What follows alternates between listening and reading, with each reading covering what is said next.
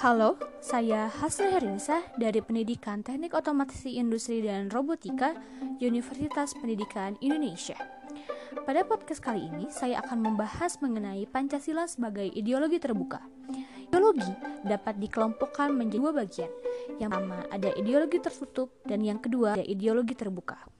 Ideologi tertutup merupakan ideologi yang bukan hanya menentukan prinsip-prinsip dasar, tetapi juga menentukan hal-hal yang bersifat operasional.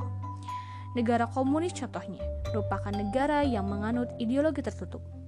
Pada ideologi tertutup, mereka tidak mengakui hak-hak masing-masing orang.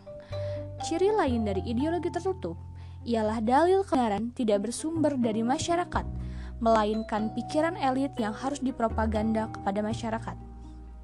Yang kedua, ada ideologi terbuka.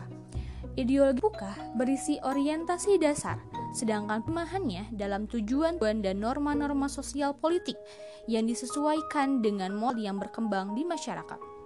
Operasional cita-cita tidak dapat dicapai secara a priori, melainkan harus disepakati secara demokratis. Pancasila memenuhi sebagai ideologi terbuka, berakar dari kekayaan budaya masyarakatnya dengan memiliki tiga dimensi, yaitu yang pertama ada dimensi idealisme yang mengandung cita-cita yang ingin dicapai dalam berbangsa dan bermasyarakat.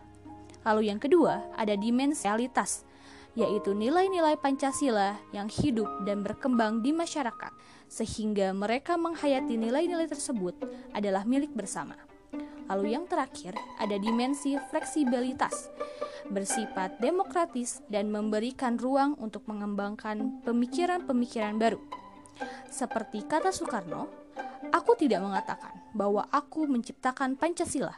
Apa yang aku kerjakan hanyalah menggali jauh lebih dalam ke bumi kami, tradisi-tradisi kami sendiri, dan aku menemukan lima butir yang indah. Terima kasih. Wassalamualaikum warahmatullahi wabarakatuh.